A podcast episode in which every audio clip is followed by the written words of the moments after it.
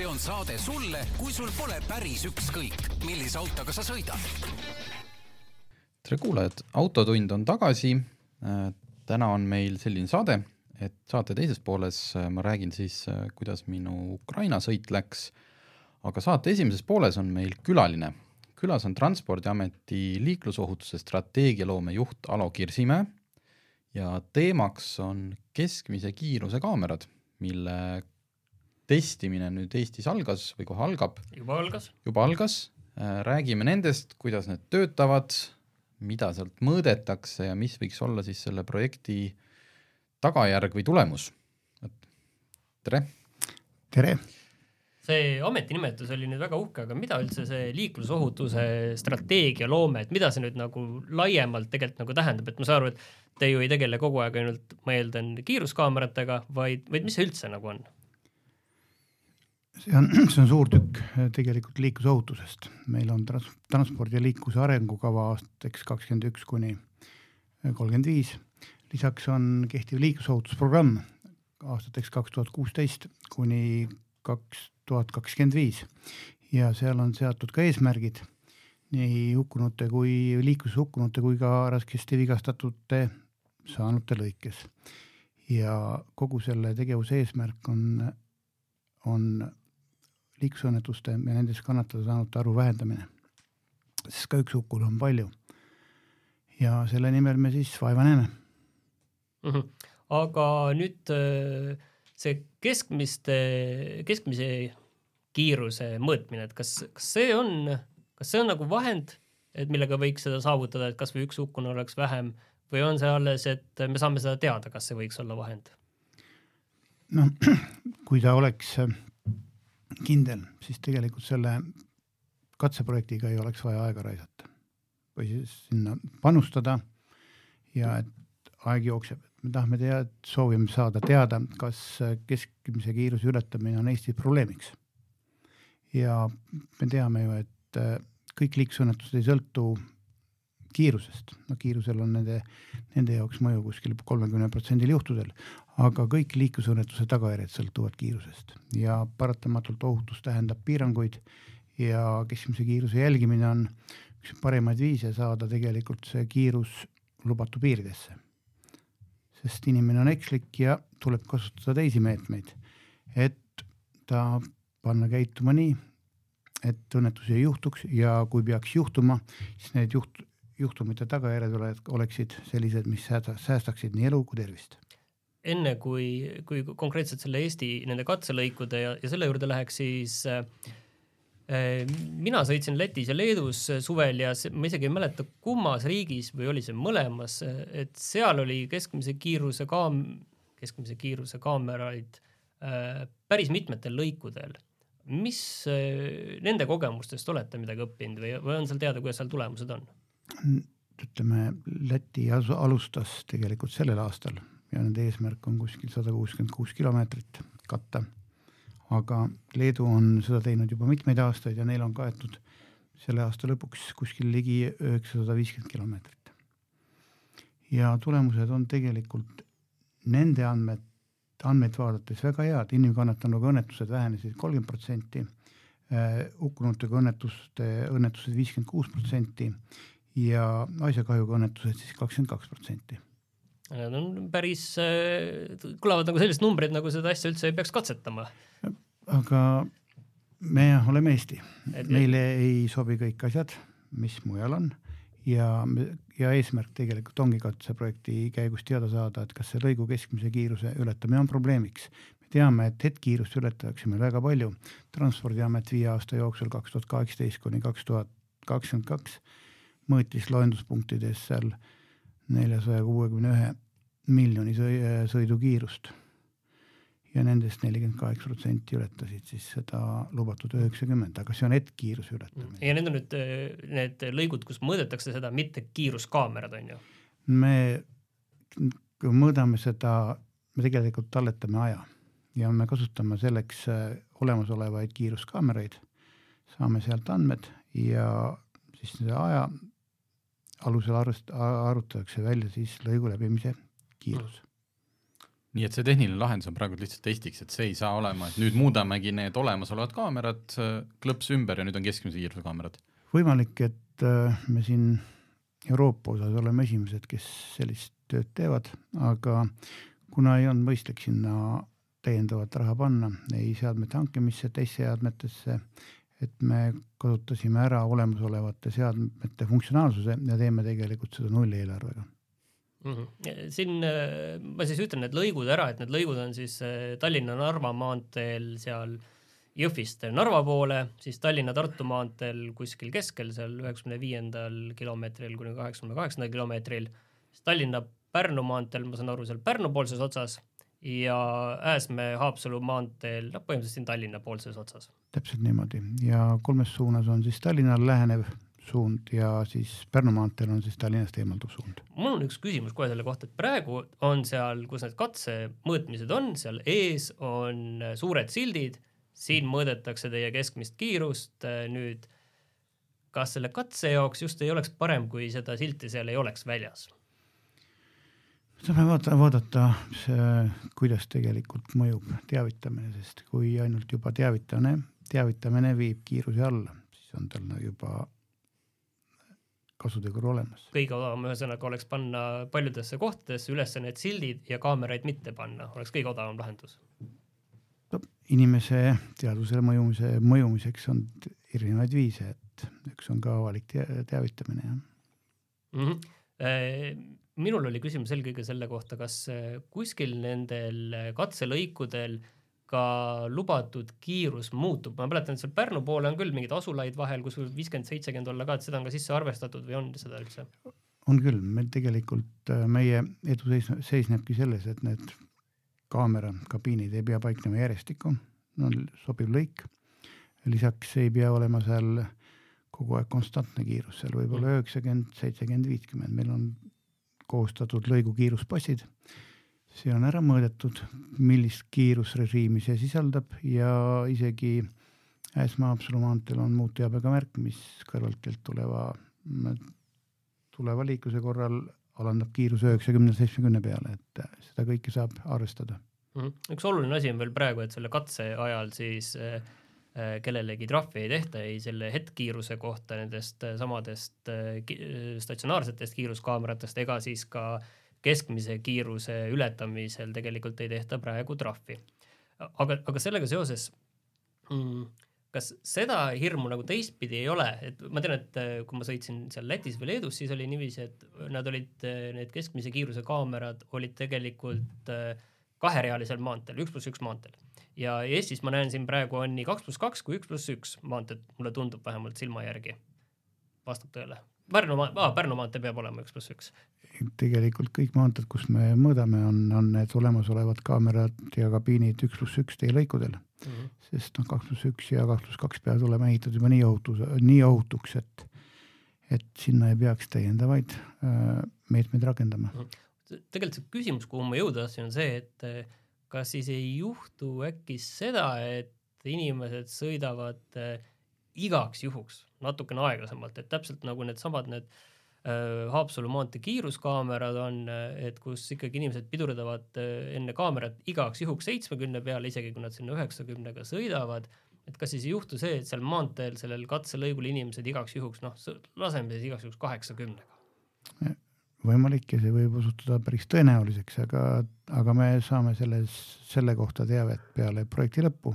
me näeme ära tegelikult lõiku sisenemise kiiruse, lõigult väljumise hetkkiiruse ja saame, äh, arutame välja ka lõi, lõigu keskmise kiiruse. samuti saame me tegelikult pikivahed, saame liiklustiheduse, et kui sõidukid peaks kuskil nagu paki kogunema et see pikivahe on alla kolme sekundi, sest me tegelikult see süsteem võimaldab meil mõõta sajandik sekundi täpsusega. selle jaoks on praegult, ega see ei ole ju ometi käsitöö, et nüüd äh, võetakse, keegi vaatab seda kaamerat, tuli üks auto ja teises otsas ja siis arvutab. seda, see ei tohigi käsitöö olla, et me tegelikult ükski inim silmapaar ei näegi tegelikult, mis seal toimub, aga see on kõik automaatselt, see süsteemid, mis seal on juba kolmeteist, neljateistkümnendat aastat meil seal kabiinides on piisavalt nutikad ja targad. nad saavad sellega ise kõik hakkama, nad krüpteerivad, moodustavad fotodokumentatsiooni, pärast pakivad selle lahti, teevad selle fotodokumentatsiooni pealt loetavaks, siis masinloetavaks sõiduki registreerimismärgi tähise ja siis nad pseudonüümid, pseudonüümitakse ja meie näeme alles pseudonüümitud andmeid, kui sinna on pandud pseudonüüm, mis mitte üks raas ei võimalda, võimalda seda ära siduda konkreetse sõidukiga. ja Transpordiametis tegelikult tavaolukorras üldsegi sõiduki andmeid ei tuvastata, et kui need hetkkiiruse kaamerad muidu juba siis kaksteist aastat või kolmteist aastat on töötanud, siis meie fikseerime juhtumi, see edastatakse turvalist kanalit mööda äh, Politsei- ja Piirivalveametisse ja nemad alles teevad päringut seal, et saada teada, kes on siis sõiduki vastutav kasutaja, et, et seda üldse meil ei tehta, nii et. Äh, kui palju, kas Euroopa ja siis naabrite kogemused, noh, mis see keskmine kiirus, ma tean, et eks ju tavakaameras tuleb see trahv, kas ta hakkab seal vist pluss kolm ületust, aga mõtlen, et mis, mis oleks see tulemus, mille pealt järeldatakse, seda tuleb hakata tegema, sest et keskmine kiirus on tegelikult sada või on see noh, et on seal ka mingid vahemikud? kui jõutakse sellise otsuseni, et selle tegevusega on mõistlik edasi minna, siis loomulikult valitakse lõigud, luuakse õiguslikud eeldused, tagatakse õiguslikud ja ka tehnilised eeldused ja siis toimub ka tegelikult äh, metoodika koostamine, et kus kohast hakkab see sekkumiskünnist, milles edasi hakatakse äh, kohaldama siis tulevikus, kui sellise otsuseni peaks jõutama rahatrahvi. aga, aga nende tulemuste juurde ma saan aru, et avalikkus saab nendest tulemustest teada millalgi novembrikuus? ka meie, sest äh, päevamahtu saab hinnata kuskil kolmekümne tuhande juhtumiga, et see maja, süsteem selle lahti võtaks, dekrüpteeriks, äh, saaks selle numbri teha masinloetavaks, see läheb minimaalselt kuus sekundit, kui me selle kõik ära korrutame, et siis tuleb päris suur ajaühik iseenesest ja samal ajal peavad teised kaamerad ka töötama, et tuleb tagada andmeühendust äh, Politsei- ja Piirivalveametiga, et nemad saaksid menetleda, et äh, nad peavad koos suutma sõbralikult eksisteerida.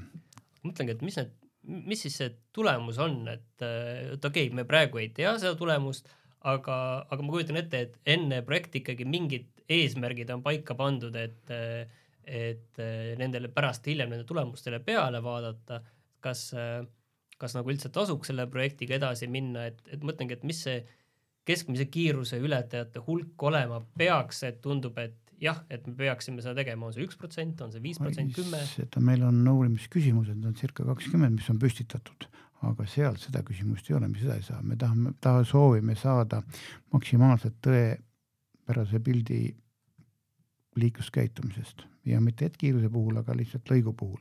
ja selleks on ka valitud erineva pikkumise, pikkusega lõigud, saamaks teada, et kuidas, milline on kiirus siis erineva pikkusega lõiguga, lõigul. Lisaks nädalapäev ilmastik, gabariitide järgi on võimalik eristada ja süsteem eristab, kas ta on sõiduauto või on siis äh, veoautobuss on koos. Äh, ilmastik, äh, millised, milline on pikivahe, et kõik, kõike vaatab, mis muutub ja kas see, muutub. see ilmastiku tegelikult, see kõlab nagu juba lihtsalt nagu teaduslikult väga huvitavalt, et kuidas keskmine kiirus, ütleme, et äh, kehva ilmaga võib-olla seda esimest lund me selle jooksul ei näe, aga võib-olla esimesed mingid öökülmad tulevad ära, et tegelikult, et kuidas see keskmine kiirus muutub, see nagu tundub tegelikult endalegi väga huvitav no,. see sõltub juba vihmast, et tõenäoliselt on kõik, kes on vähe nad rohkem sõidukiroolis juba olnud kogenud, et nagu vihm hakkab sadama, nii tekivad tropid, sest äh, kiirus kukub automaatselt. ta mõjutab nii hetkkiirust kui ka keskmist kiirust, kindlasti. ja selle, mõtlengi, et äh, mina igal väga ootan, et, et mis sellest, mis sellest äh, projektist saab, ma tean ah,, ma teadsin seda, et äh, mingil põhjusel mootorratturid äh, sellest osa võtta ei saa, ma lugesin seda, et, et et lihtsalt veokid on ja, ja sõiduautod on need, kes selles osaleda saavad. Need mootorratturid saaks võtta küll, iseenesest süsteem on nii võimekas, et ta võib ka tagant mm, eemalduvat sõidukit, praegust ta mm. Fikseerib lähenevale sõidukil kiiruse ja selle sekkumiskünnisest ületamise korral teeb siis fotodokumentatsiooni koostab, aga kaameral on võimekus ka mõõta kiirust ja teha fotodokumentatsioon tagant või tähendab eemalduvast sõidukist. aga et mootorratturid ei hakkaks siin ära kasutama oma eelist kiirendamisel ja need oleksid realistlikud, et me välistasime selle. kuigi me isegi teist, teist päeval sellist võimalust katsetasime ja kokkuvõttes ma saan aru, et selle otsuse, et kas sellega edasi minna või mitte, ei tee siis ka nagu Transpordiamet, vaid teeb, teeb tegelikult äh, valitsuse liikluskomisjon? jah, valitsuse liikluskomisjon on moodustatud nõuandva organiga ja kui me alustasime sellest, et millega see, me tegeleme Transpordiametis, ta ongi liiklusohutusprogrammis vajalike tegevuste väljaselgitamisteks, koordineerimiseks, valitsusele edastamiseks, selle koosseis on kuus ministrit ehk praktiliselt pool valitsuste, valitsuse liikmetest ja kaasa arvatud siis erialaspetsialistid. et tulem kantakse ette, siis tekib seal otsustuskoht. lihtsalt äh, mul tuli vahepeal meelde see, et kui äh, et need lõigud on äh, väga erineva pikkusega ja, ja mõned lõigud olid siin tegelikult päris pika. kolm, kolmteist. kolmteist oli jah. Need on neli koma neli, neli koma üheksa, üheksa ja kolmteist. mina mäletan endal autokoolist mäletan seda, et kuidas mul autokoolis õpetaja ütles, et need põdramärgid, et äh, põdramärk ja nüüd põdrad järgmised neli kilomeetrit, et on teaduslikult kindlaks tehtud, et inimesel on liiklusmärk meeles üks kilomeeter. et siis, siis on nagu tegelikult seal äh, mis, kuhu ma tahtsin jõuda, on see, et need lõigud on suhteliselt pikad tegelikult, et, et seal võib väga lihtsalt inimestel üldse meelest ära minna ja siis saabki sellise äh, reaalse reaalse elu sealt kätte kokkuvõttes ikkagi, hoolimata sellest, et seal neid, äh, need hoiatusmärgid on ees. sellest juba paari kuu pärast aga me jääme seda tulemusi äh, väga ootama ja, ja siis saame näha, et kas need keskmise kiiruse kaamerad äh, jõuavad ka päriselt Eesti teedele, aga aitäh saatesse tulemast! aitäh kutsumast! nii ja nüüd siis jätkame teiste teemadega, mis meil plaanis oli. nädala sündmused ma ei tea. sa ei pea kaugelt otsima või just pead kaugelt otsima?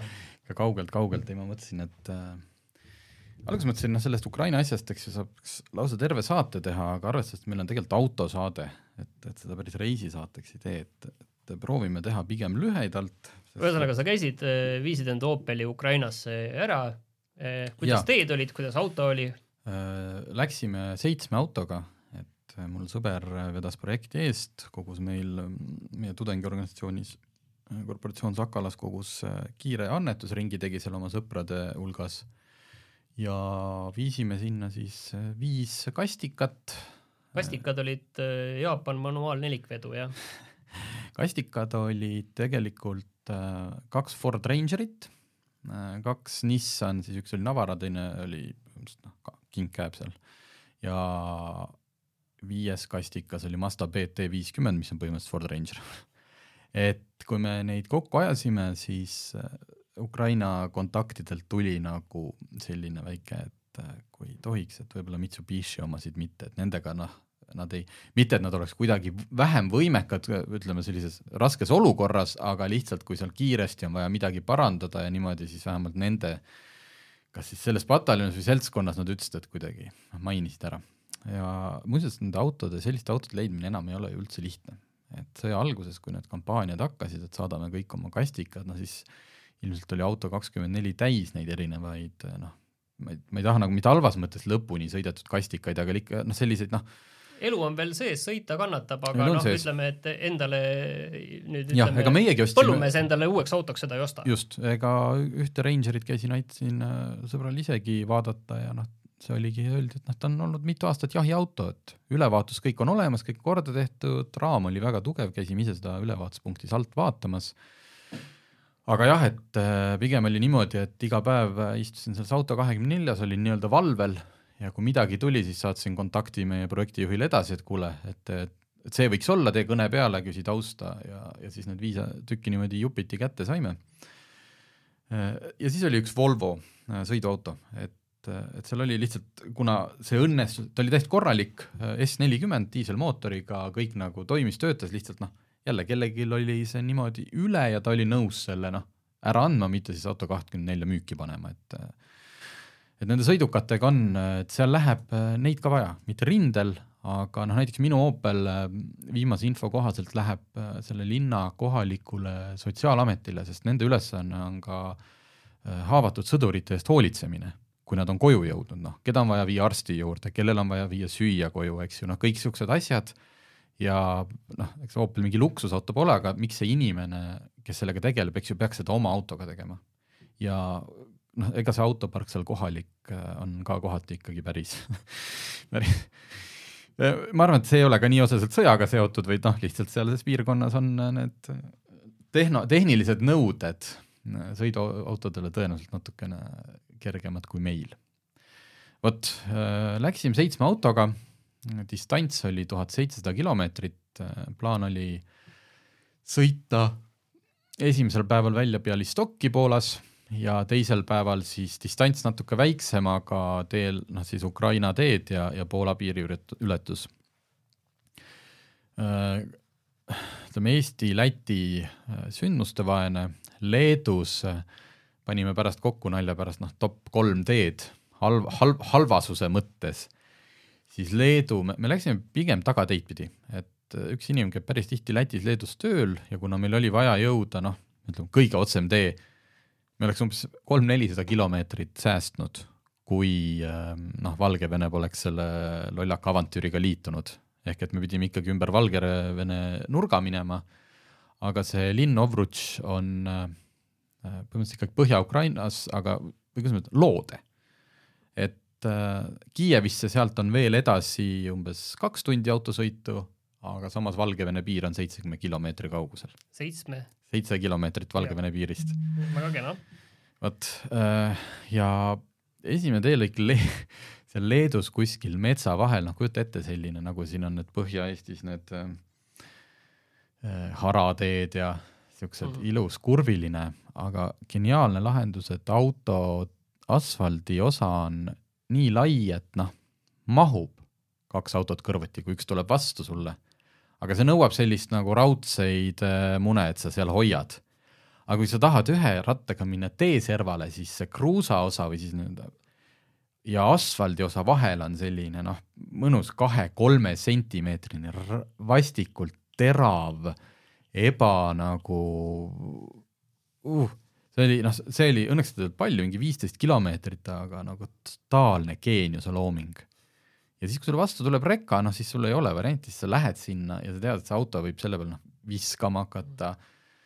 okei okay,, maasturi rehvi loodetavasti mitte, aga noh, umbes minu Opelil võib selle rehvi serva ka sealt lõpuks niimoodi maha võtta, et see oli üks. Äh, muidu väga hea. Poolas kohtasime ühte, nagu meil siin Harku järve ääres on see betoontee katselõik. Nendel see katse nii hästi pole õnnestunud. seal oli noh see, kuidas ütelda, see rappumissagedus või see noh, tekitas sellise resonantsi, et seal ei olnud nagu need vahed, betoonivahed ei olnud sellist, et ma nüüd kardan, et rehv või velg läheb katki, aga sa kardad lihtsalt seda, et ta raputab sul mm. kui kuskil on mingi kaablitükk, mis on yeah. noh, võib-olla veel nagu ehku peale kuskil kinni, siis pärast seda raputab ta selle lahti. ja ja noh, ülejäänud Poola, kes on siin ikkagi viimasel ajal sõitnud, teab, et, et Poola on teedeehitusega väga hästi, väga hästi nagu saanud, isegi kuigi me ei olnud selle põhilise noh, ma ei tea, mis on Pan-, Pan Baltic või see yeah., selle kiirtee peal. mina jah, olin Poola teedega ka väga rahul ja hoolimata sellest, et me isegi sõitsime seda Kaliningradi alt täpselt, nii alt kui sai minna, läksin, siis enamik teid olid tegelikult väga okei okay, isegi seal ja kui me nüüd, enne kui me jõuame Ukrainasse, siis ähm, äh, Poola piir, Poola-Ukraina piir, sai, meenus, meenusid head ajad, kui Eesti ei olnud Schengenis. Ja ühesõnaga jõhker järjekord, mis läks sinna Ukraina poole, aga noh, võib-olla see järjekord ei olnudki nii jõhker, kui see süsteem oleks toiminud nii, nagu sa võtad, et normaalselt toimib, aga kahjuks Poola piirivalve otsustas käituda nii, nagu piirivalve käitus umbes aastat kakskümmend tagasi või, või, või ma ei tea, ma ei käi ju nii tihti, vaata mm., vaat see ongi, et sa ei ületa ju enam piiri yeah.. sa ei tea, mis see tegelikult on. aga see selline nagu ülbus ja ükskõiksus ja see, millega seal siin nagu lihtsalt suunati kuskil, meid oli, meie ees olid ühed leedukad, et kes on käinud juba kuusteist korda sinna viimast humanitaarabi ütles ta, et äh, see on esimesed nädalad, nad esimest korda näevad seda. varem oli üks rida oligi nende humanitaarabi ja selle jaoks, see auk sisse, kõik, no muidugi vaadatakse üle, selles mõttes sa päris nii ei saa, et sul on nagu ma ei tea, kott narkootikume või relvi ja aga et sul on üks eraldi rida nende jaoks ja nüüd oli, see oli kadunud. Poolaks oli välja mõelnud mingi, selgus mingi ID-süsteemi, mille sa pead eelnevalt netist ostma, pärast selgus, et üle Poola on ka siukseid putkasid, kus sa vist saad neljakümne viie euro eest tahtsime seal kohe, meid suunati mingi heinamaa peale, unustati meid sinna pikaks ära. Öeldi, et tehke see ID, ID-number ära, et siin on lehekülg. Lähed sinna leheküljele, tuleb sisse logida, registreeruda. seda saab teha ainult, seal on mingid E nagu variandid, Eesti ID-kaardiga ei saa, ainult põhimõtteliselt ainult Poola ID-kaardiga. olid ka mingid pangalingid, aga meil kahjuks puuduvad ka Poola, noh, ühesõnaga täit, täitke see ID ära, aga te ei saa seda täita ja meid ei huvita Äh, noh, ühesõnaga see kõik oli selline noh, see oli nii nukker, kui see või kui see oleks. see on nagu huvitav selles mõttes, et see on riigist välja sõidu. absoluutselt, me mõtlesime täpselt, jah, saaks aru, et siin selle mingi on... pagulaste või millegi hirmus, et sul on jah, et see teine, eks teisel pool oli ka järjekord, aga sugugi mitte nii pikk, lihtsalt see on nagu jah, tundub, et miks, mida me siin. nõudlus Ukrainasse minna oli suurem kui Ukrainast välja, jah.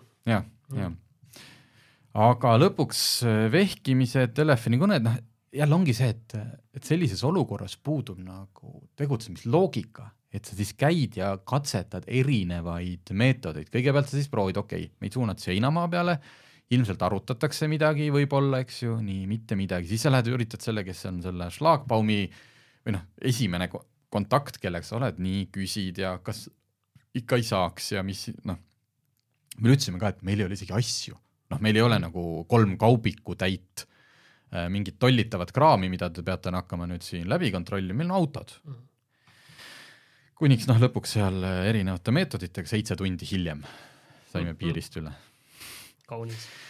Äh, ja Ukraina pool ka oli, oli palju paberi täitmist, aga kõik oli väga organiseeritud, kõik oli noh lihtsalt neil oli natuke IT-süsteeme oleks vaja, põhimõtteliselt kõik meie autode tehnilised passid kopeeriti käsitsi? ei, vastupidi, trükiti ümber arvutisse mm., noh, kõik pikkus, auto laius, aut-, noh, kõik yeah. see, et, et see data sinna ei jooksnud.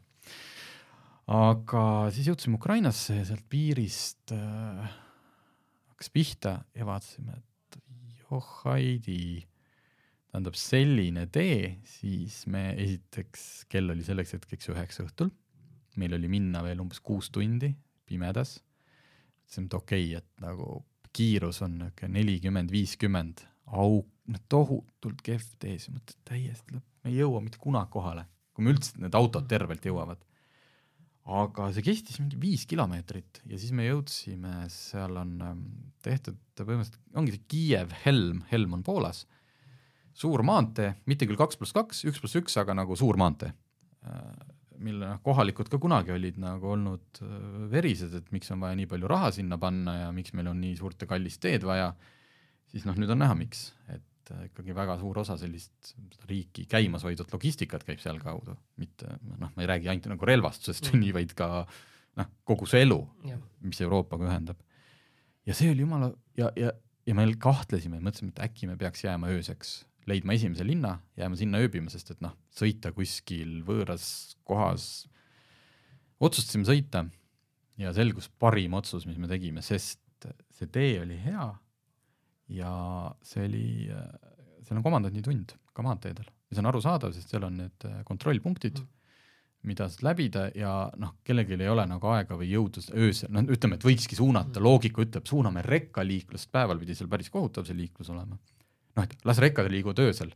aga see tähendab seda, et kontrollpunktides peab mm. keegi, noh, mingi tohutu tiim kogu aeg neid rekkasid siis kontrollima. et eh, noh, seal võis liikuda, aga inimesed vaata, sa ei või nagu kodust välja või nagu meie olime noh, välismaa numbritega, meil olid dokumendid kõik korras. mis tähendab seda, et me sõitsime kuus tundi sisuliselt tühja teed, kuu valgel, väga ilus täiskuu, luhtasid katis udu, eks ju bensiinijaamad iga natukese aja tagant suured, siuksed valgustatud, noh nagu, et, et lõpuks Ukraina osa, no lõpus enne Ovrutšit oli jälle selline teelõik, et noh, tuli meelde, et seal on teed ikkagi kohati päris pekkis ja on ka, ja see on ka, nad ise ka ütlesid, miks üks põhjus, et miks neid autosid ka vaja on, et noh, ei ole see, et kõik lastakse pilbasteks rindel, vaid need autod lihtsalt lagunevad seal nii kiiresti kellel nüüd ei ole tegelikult kaarti käepärast äh, nagu minul, siis äh, Ovruč äh, asub, ütleme, et üks viiskümmend, kuuskümmend kilomeetrit Tšernobõlist ida, lääne pool. ja, ja sealtsamast sellest Hostomelist ja Irpinist sealt ka kuskile silma järgi niiviisi seitsekümmend, kaheksakümmend siis äh, loodes. jah, et kohale me saime täiesti, muidugi meil nagu äh, selle seltskonna start oli hommikul Tartust, nimelt mina ja üks sõber sõitsime õhtul juba Tartusse ära, ööbisime hotellis, hommikul tulen hotellist välja, vaatan, appi hakkab pihta, Opeli alt tuleb niisugune punakas loik välja. jahutusvedelik, noh, seda sooju, noh, seda sooju, soojendus või seda jahutussüsteemi, tähendab, mitte soojendus, jahutussüsteemi on nii palju sellel juba remonditud, aga noh, ikka on kuskil mingi leke sees. Olgu, ruttu Circle K-st üks kal-, kalonne, ma, ma isegi ei hakanud seda, et noh, et ronin nüüd sinna alla ja vaatan, et äh, sest et äh, jahutusvedeliku paagis nagu paistis, et kõik on hästi, et ilmselt see ei olnud nagu nii traagiline leke. Ja ei olnudki, selles mõttes ma panin kuskil Poolas igaks juhuks lõunasöögi järel niimoodi väikse tilga peale. Äh, ja teine probleem, mis meil oli, oli ühel Ford Rangeril lõpetas kogu taga, tagumine valgus lõpetas töö. eks see kuskil see kaabel ikkagi rappus läbi, jah? noh, no ilmselt jaa, sest see pärast sinna alla ronisime, ikka päris mädad olid need kaablid, et noh, ei, ei tuled, ei suunatuled, ei pidurituled, mitte midagi Äh, mis muidugi meie poolt oli väga julge käik, et meid oli kaheksa, seitse autot, kaheksa inimest, et üks. mind lihtsalt üllatab praegu see, et kõik need kaablid tegelikult mingi ühe asja pealt tulevad, mitte eraldi ei jookse, et see on huvitav. et äh, ei, vabalt võis olla, et kuskil noh, me kaitsmed kontrollisime ja. üle ja niimoodi, aga no, me, selleni ma taht-. eraldi kaitsmete peal peaks ka olema. selleni ma tahtsingi jõuda, et meid oli kaheksa, üks varujuht igaks juhuks, et kui kellelgi, ma ei tea, kuskil lööb põhi alt ära või midagi, et siis ei jääks selle pärast teele aga meil ei olnud mitte ühtegi inimest, kes noh, nagu saaks natukenegi öelda, et ma olen elus mõne auto parandanud või, või, või nagu mehaanikut meil ei olnud, nii et selles mõttes julge, julge käik, et rehvi vahetusega muidugi oleksime hakkama saanud ja lahendasime ka selle tulede probleeme, lahendasime niimoodi, et äh, Poolas või Leedus ostsime supermarketist, läksime, ostsime paar punast jalgrattatuld. Ja kaks tuld panime sinna tuleklaasid, et ahah, et noh, juhul, kui mõni politsei otsustab, et ta tahaks natukene, noh siis oleks, tunduks vähemalt, et mm. sellel autol on kõik korras ja siis ühe panime lisaks veel stange otsa külge nagu teepoolse külge, et noh, juhul kui see rattatuli seal ära sureb sees, et siis oleks vähemalt äh, gabariit näha. ja, ja oli kõik. ainukesed probleemid tehnilised, mis meil olid, väga, sõit läks väga hästi meil olid raadiosaatjad olid autodes, niisugune mõnus loba, noh, saad aru, niisugune rekkamehe mõnus vibe tekkis sisse, et räägid kõigest, mida näed ja arutad ja äh, siis läks hästi. Ja praeguseks on teada, et äh, mul, meie, meie noh, üks, üks meie pundi liige äh, töötab seal Ovrutši, siis Eesti, Eesti ehitab seal ühte lasteaeda. Ja juba oli kohaliku volikogu koosolek, kus otsustati ära, seal olid sõjaväelased kohal, et kolm autot, kastikat lähevad äh, rindele, natukene, noh, vaadatakse kõik mm. veel üle, tulede juhtmed ilmselt, ja kaks tükki siis lähevad õhutõrjesse, et ehitatakse kastiraam, raami peal läheb kuulipildu ja, siis äh, minnakse valvesse, nii et autod läksid töösse. ja vot, siis tagasi tulime rongiga, meid viidi Kiievisse, viidi noh, kui sa Obrutšist lähed Kiievisse, kes kaarti vaatab, siis ta näeb tee peale ja Butša ja siuksed kohad, et noh, sõitsime, korraks läksime bussist välja, aga noh, ma ei hakkaks seda, sellest pikemalt rääkima, et seda kõik kujutad ette, mida sa seal näed. no selles mõttes Butš, noh. kõvasti on vist üles ehitatud samas muidugi. jaa, see Butša küll, sest see oli ikkagi tegelikult noh, niisugune nagu suvilarajoon, võib-olla natuke jõukam rahva, noh, ühesõnaga, et noh, nagu, nagu ta on, nagu kõik räägivad, et ega me ei olnud, noh, see ei olnud nagu mingi kangelastegu me ei olnud sugugi esimesed, kes seal käivad, me ei ole viimased, lihtsalt äh, siin oligi natuke see Opeli, noh, see Opeli saatus, mis ta siin pikalt on räägitud. aga muus osas, et noh, nagu elu, elu käib, et ega seal kõik, kõik toimib, noh, inimesed on Kiievi, ma ütlen, räägime siis Kiievi alt, et nagu maanteed on liiklust täis ja poed on lahti ja et noh, sa tead, et seal on see rõve, rõve nagu äng on nagu taustal, aga nagu kui sa tuleksid täiesti, sa oled mingi tulnukas, kes maandus siia planeedile, siis sa seal olles nagu ei saaks väga hästi aru, et midagi valesti on. no ma ei tea, tahad midagi veel rääkida selle kohta või ei tea, aga no nüüd on, noh see, seda, seda Opeli projekti ma olen lõpetanud ja. siin erinevatel juba, juba kuude kaupa, aga nüüd jätsin südamlikult, jätsin südamlikult äh, hüvasti ja ma ütlen, see, ma, ma jõudsin enne saad-, enne minekut äh, omale selja ära tõmmata ja ma kartsin, et see sõit tuleb ikkagi täielik piin, aga nagu jube mugav pikasõiduauto, noh, vaikne, seal ikkagi mõned maasturimehed ikkagi just, et noh, sul seal diiselmootor, mingi robustne maastur, minu, mina sõitsin nagu Cadillaciga. vot. kuule, aga, aga lähme natukene sama teemaga edasi tegelikult, et siin lihtsalt ma vaatasin eile ka, et elektriautode grupis ka jälle viskas jälle käima sae Elon Musk, et küsimus ikkagi see, et kas üldse Teslat üldse saab nagu enam osta. Ja, ja ma ei tahagi tegelikult nagu sinu käest nüüd siin vastust, et kas sina nüüd tahad või ei taha või, või selle, aga põhimõtteliselt, millest ma tahtsin nagu rääkida, on tegelikult see, et arvestades selle eh, Elon Musk'i viimase aja väljaütlemisi, siis tõesti nagu see Tesla nagu bränd, mul on tunne, et see ikka nagu tõsiselt, tõsiselt läheb nagu neil raskemaks, selle müümine, eriti nagu Euroopas ikkagi. Ja seda on näha ka ja noh, muidugi, kes tahab, see ostab nagu niikuinii. ja aga mul on tunne, et see on ikkagi läheb nagu palju raskemaks neil. Ja eriti Euroopas ja, ja ütleme niiviisi, et need, kas need seal, mis Eesti inimesed rääkisid, et jah, et ega ei tahagi, et noh, vähemalt sõnades on ju. Ja, ja mul ongi tunne, et tegelikult see Tesla nagu brändina äh, ma tunnen, et seal kõrgajad on mõnes mõttes vähemalt mm, mingis plaanis nagu möödas. noh, uudsust tal ei ole. ega ta autot paremaks või halvemaks ei tee, on ju, see on selge, on ju, see ja, on nagu on, on ju. aga, aga jah, sellega natukene nagu ütleme ikkagi, et inimesed ikkagi väga palju teevad neid äh, valikuid äh,, eriti tänapäeval ikkagi selliste väärtuste põhiselt. ja ütleme niiviisi, et kui mina ka vaatasin siin mingi aeg tagasi seda Volvo äh, V60 redisain, väga äge, näeb välja kõik ja väga tore, aga ja siis loed ka selle Volvo kohta. Ja, ja siis ja siis jäävad ka kahetsed tunded, sellepärast et Volvo läks kohe Vene turult ära, kohe tõmbas kohe juhtme seinast, kõik äh, noh, Volveril oli mingi tehas oli seal selle traki eh, tehas oli kuskil seal Kalugas ja selle nad ka müüsid, nii-öelda müüsid maha Vene investoritele onju, noh, põhimõtteliselt ilmselt tõsteti välja nad sealt mm -hmm. ja mhm. võib-olla Vene investor andis ka mingi väikse jootraha onju selle eest. et eh, Volvo nagu iseenesest tegi nagu kõik õigesti. aga siis teiselt poolt on Volvo suuromanik eh, Geely mm, -hmm. mis väga agaralt on asunud Venemaal edasi toimetama, et jah, et kaheksakümmend kaks protsenti Volvost kuulub Geelile ja Volvo ise ei ole nagu süüdi.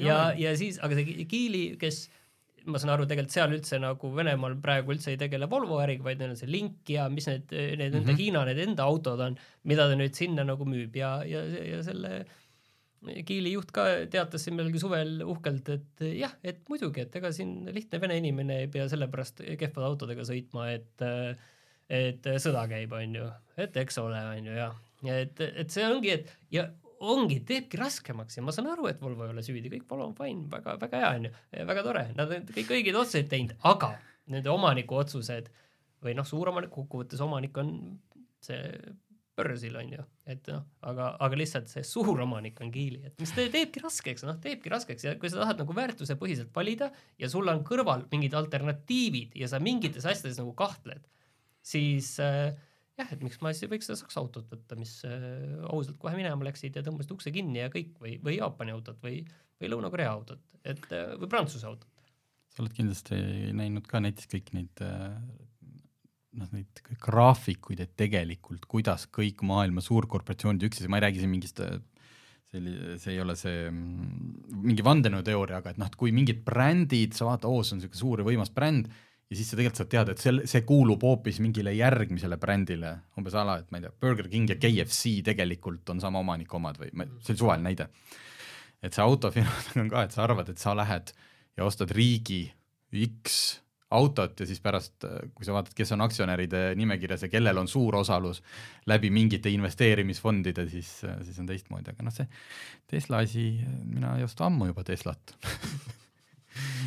aga, aga muuseas, suur osa sellest absoluutselt ja see on täpselt hea, et sa seal tõid, on seesama Elon Musk'i pärast, sest äh, minule näiteks ei meeldi see, kui noh, üldse kogu tema see, kuidas ta põhimõtteliselt, tema testib äh, isejuhtimistehnoloogiaid äh, tänavatel teiste inimeste peal müües äh, full äh, self-driving, ongi vist seal kodulehel on FSD, et, et ta müüb nagu äh, full self-driving ut, kus kuskil on small print'is on, et loomulikult see ei ole mingi self-driving ja see kõik ja, ja see on täpselt samamoodi level kaks parimal juhul nagu kõik teised, aga ta müüb seda inimestele sellise sloganiga, ta räägib kogu aeg sellest, noh, see, kuidas noh, kui aktsia hinda on vaja tõsta, siis jälle Musk räägib, kuidas nad umbes noh, kuue kuu pärast on valmis üle minema level kaheksa peale ja kõik see asi.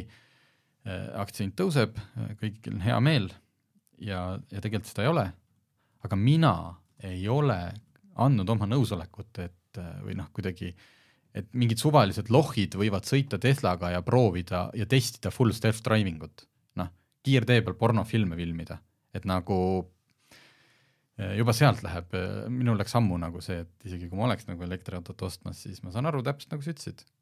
Tesla on elektriautona väga hea elektriauto, autona keskpärane, aga, aga see, et selle taga on sihukene selline vend nagu on, siis noh, minul on ammu juba no-go. jah, et kuna mul Tesla endal pole nagu menüüs niikuinii olnud, siis, siis äh, siis ma nagu kunagi ei ole selle peale otseselt niiviisi mõelnud, aga, aga nüüd jah, et koos selle, selle pauguga ja noh, arvestades seda, et et ta hädaldab selle häda üle, mis siin Ukrainasse läheb, siis noh, ütleme niiviisi, et eks ta on ka enda selle Tesla, Tesla äri ju subsiidiumite põhjal seal üles ehitanud. aga see on sul väga hea teema, sellest ma ei teagi, kuidas seda edasi arendada, aga et jah, et kuidas, kui tahta autot osta nagu ma, noh nagu maailmavaatelisuse, see, et kui sa tahaks näiteks osta, et noh, et võimalikult rohelist autot, no siis oled omadega täiesti mudas, sest nagu välja, välja uurida täpselt, kelle noh, igaüks ütleb sulle, et meie auto on varsti juba üheksakümmend viis protsenti carbon neutral, noh, aga et uurida välja päriselt nagu, et kust tuleb metall, kust tuleb äh, kangas, kust tuleb nahk, aga akuelemendid. akuelement, aga see, et sa nagu kuidagi maailmavaate või suhtumise pealt et see on päris keeruline jah, et kes keda pooldab, milline valitsus, näed, et seal, seal riigis on ju hoopis sellised võimul. Selle riigi autot ma küll ei osta. jaa, aga noh, praegu me räägime autodest, aga samas telefonide koha pealt see teema on nüüd juba kaua aega tegelikult on, et kas sa tahad seda, seda Hiina telefoni või ei taha. okei okay,, sina oled tehnoloogia ajakirjanik või tähendab vanasti olin. vanasti, aga no sa oled natuke rohkem kursis äh, millise telefoni me peaksime ostma, kui ma ei taha Hiina telefoni, Samsungi? aga veel? no sa võid osta ka muidugi iPhone'i, mis toodetakse Hiinas? Ei, või ei toodeta enam? seal osa, osa toodetakse, osa on nüüd Indias ah, toodetakse okay. tegelikult, et äh, mudelite kaupa ei tea, samas sa võid osta muidugi Google'i telefoni äh,, mida ma ei tea, kus toodetakse. just, et see ongi lihtsalt, et vaata selle telefonidega on see, et sa võid olla, okei okay,, paljud noh, tulid siin Huawei pealt ära, sellepärast et meile on selgeks tehtud, ega me ju noh, ei tea, kas see on nagu halb kas seal kuulatakse? selget sõnumit ei ole lõpuks kunagi saanud, küll räägitakse, et küll on nagu halb, soovitatakse mitte ja. kasutada, Tiktoki mitte kasutada ja nii edasi, aga siis eh, konkreetselt seda keeldu ka ei ole. noh, Soomes nüüd võeti, mis see oli, Xiaomi telefonid eh, vabatahtlikult, Soome telekomid lõpetasid nende müügi ära, Eestis seda ei tehta ja nii edasi ja nii edasi. et siin nagu on asjad ja samas ongi see teine pool, et okei okay,, neid sama iPhone'e või neid tehakse sealsamas kandis üldiselt et eh, see on nagu keeruline, aga lihtsalt, et autode juurde nagu tagasi tulla siis äh, mõnes mõttes mulle tundub, et autode koha pealt on seda valikut nagu lihtsam teha, eriti nüüd. veel on, õnneks on, kuni, kuni hiinlased kõik kokku ostavad. et äh, vaatasin muidugi Volvo tehaseid huvi pärast lihtsalt, kus nad nagu asuvad, et muidugi viimased. no aga sina ostad ju kasutatud autot või? ei? või vaatasid ka juba Neetud, seda ei tea, aga võib-olla praegu vaatame. osta, aga siis. ma, ma tahan nii kallist, ma tahan nii kallist osta, et ma pean ostma kasutatud. just, et sa tahad, eks ju, osta Volvot, siis sa peadki ostma kasutatud, sest see on noh toodetud juba siis, kui ei olnud äh, see kõik nii halvasti no vot jah, et äh, Volvo uued tehased on kõik, äh, kõik Hiinasse läinud, et see Polestari oma ja, ja seega, aga, aga ma ütlen uuesti, et Volvo väga fine, et selles mõttes, et yeah. ettevõtte enda käitumine on olnud väga õige.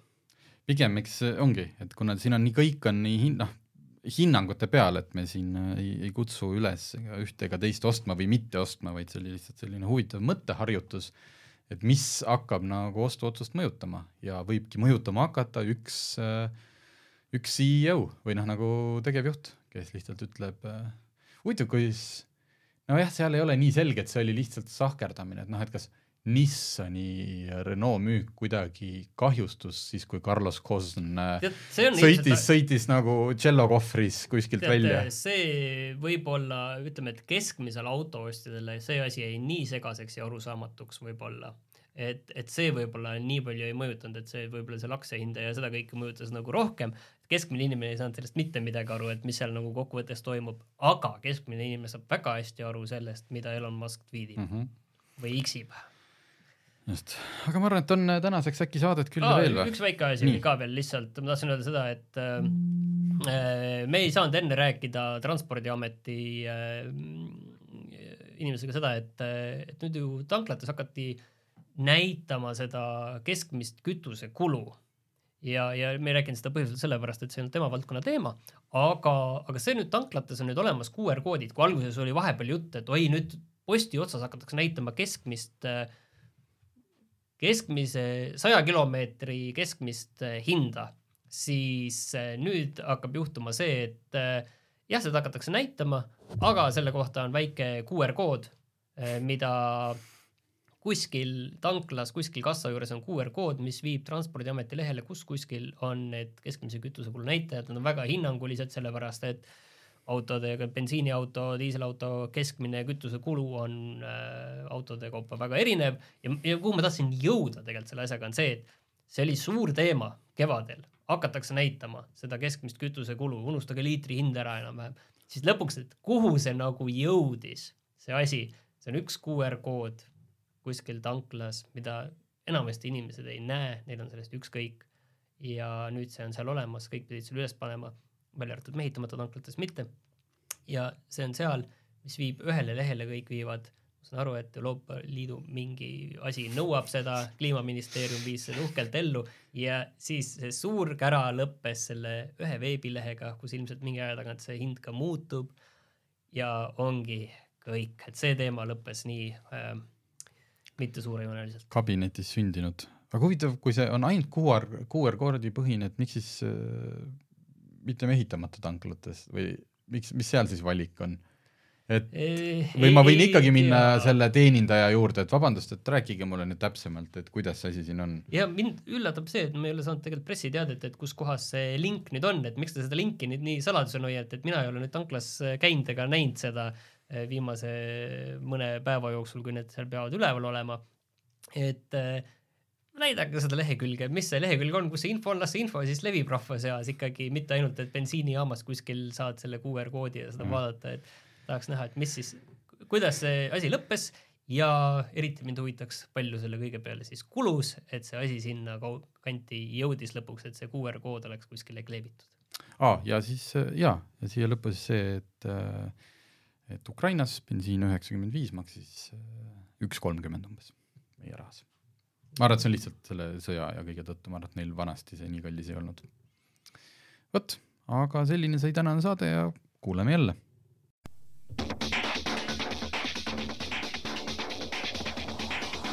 autotund. see on saade sulle, kui sul pole päris ükskõik, millise autoga sa sõidad